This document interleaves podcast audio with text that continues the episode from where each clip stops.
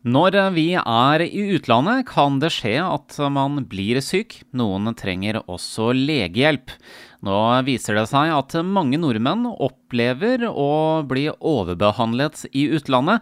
Urovekkende, sier If europeiske reiseforsikring i en pressemelding. Og med meg så har jeg Andreas Handeland. Du er kommunikasjonsdirektør i If europeiske reiseforsikring. Hva er årsaken til at så mange nordmenn eh, overbehandles i utlandet? Vi tror jo dette har eh, sammenheng med at, eh, at vi er på halen av, av koronapandemien. Og, og, der det var fullt belegg og fulle sykehussenger for noen måneder siden og, og, og gjennom de to-tre siste årene, så er det nå mange, mange ledige sykehussenger, og, og, det er eiere som forventer en profitt. Så vi tror at dette gir da insentiver for både leger og sykehus og behandlingssteder til å, til å overbehandle pasienter, sånn at de kan fakturere for det. Og det er jo en trend vi liker veldig dårlig. Men hvilke situasjoner ser dere fra sykehus i utlandet når det gjelder overbehandling? En eh, klassiker det er jo at man blir rammet av noe som i utgangspunktet er, eh, er eh, ganske lite alvorlig, som en ørebetennelse eller en, eller en type infeksjon, en sårinfeksjon eller et eller annet. Som man enkelt kan behandle med, med et brett med antibiotika og et par hviledager, men, men hvor pasienter da blir lagt inn, på, lagt inn på sykehus i flere dager og får intravenøs behandling og, og blir overmedisinert. Og det er jo eh, først og fremst så, så handler dette om helsa til folk. Det er ikke så farlig om det koster litt ekstra med penger. Det viktigste er at dette er kan i verste fall da være farlig for folk. For man skal ikke ha mer behandling eller medisinering enn, enn det man absolutt trenger. At nordmenn blir overbehandlet i utlandet, er det noe nytt egentlig? Nei, dette er nok uh, noe som har uh, foregått i mange år. Men nå ser vi jo en, en ekstra økning i antallet tilfeller vi er borti eh, etter koronapandemien. Så, og så ser vi jo det at eh, økonom, altså den økonomiske situasjonen i, i, Norge med høye renter og høy inflasjon, det gjør at vi velger andre typer reisemål.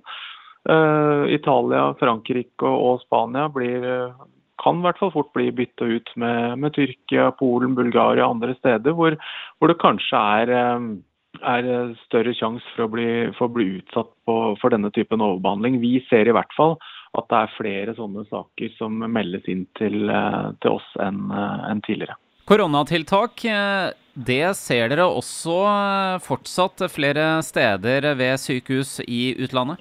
Ja da, det, det er også en, en, kjent greie. Det foretas unødvendig mye koronatesting. Og man ser også sånne type administrasjonsgebyrer og hygienetiltak eh, som en del leger, sykehus og behandlingssteder eh, kvier seg for å gi slipp på. For det er sikkert gode penger å tjene på det.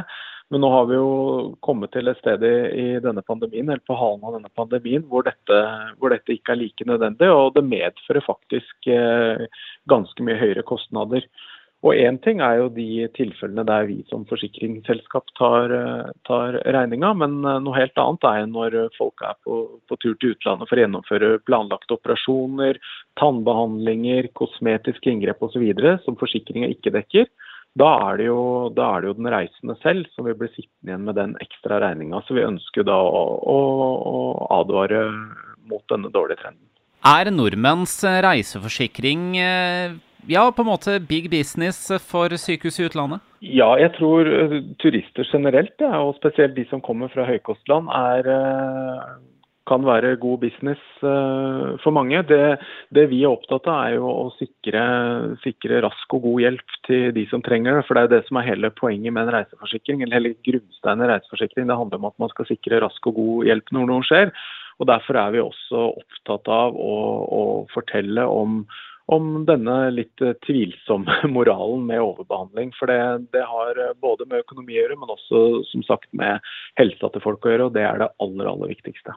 Hvis man er i utlandet og får tilbudt eh, noe som heter helsekontroller, ja, hva er det? Det er, en, eh, det er en, eh, en, greie som en del eh, turister, og spesielt eldre, får tilbud om i, i utlandet, eksempelvis i Spania. Det er helsekontroller der, der, man for en billig penge får tatt en gjennomgang av helsesituasjonen sin av en lokal lege. Da er det fort gjort å ende opp med en, en smørbrødliste over ting og tang som denne legen mener at du bør fikse med din egen helse. Og det er kostnader som fort kan, eh, der det fort kan løpe på og bli dyrt. Og det er jo ting som en forsikring ikke dekker, for det regnes jo ikke som en akutt og uventa hendelse.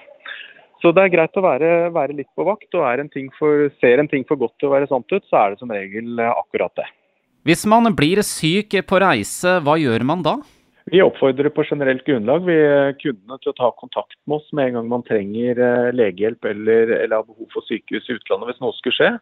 Heller en gang for mye enn en gang for lite, for da kan vi rute folk til riktig sted. Og vi har også leger og sykepleiere internt hos oss som kan bistå både med å finne riktig behandling og få pasienter hjem igjen til, eh, til Norge. Men jeg må si det at det er ikke så lett for, for vanlige folk uten legekompetanse å vite når man blir overbehandla eller ikke. Så ta heller en telefon for mye, så finner vi ut av det sammen.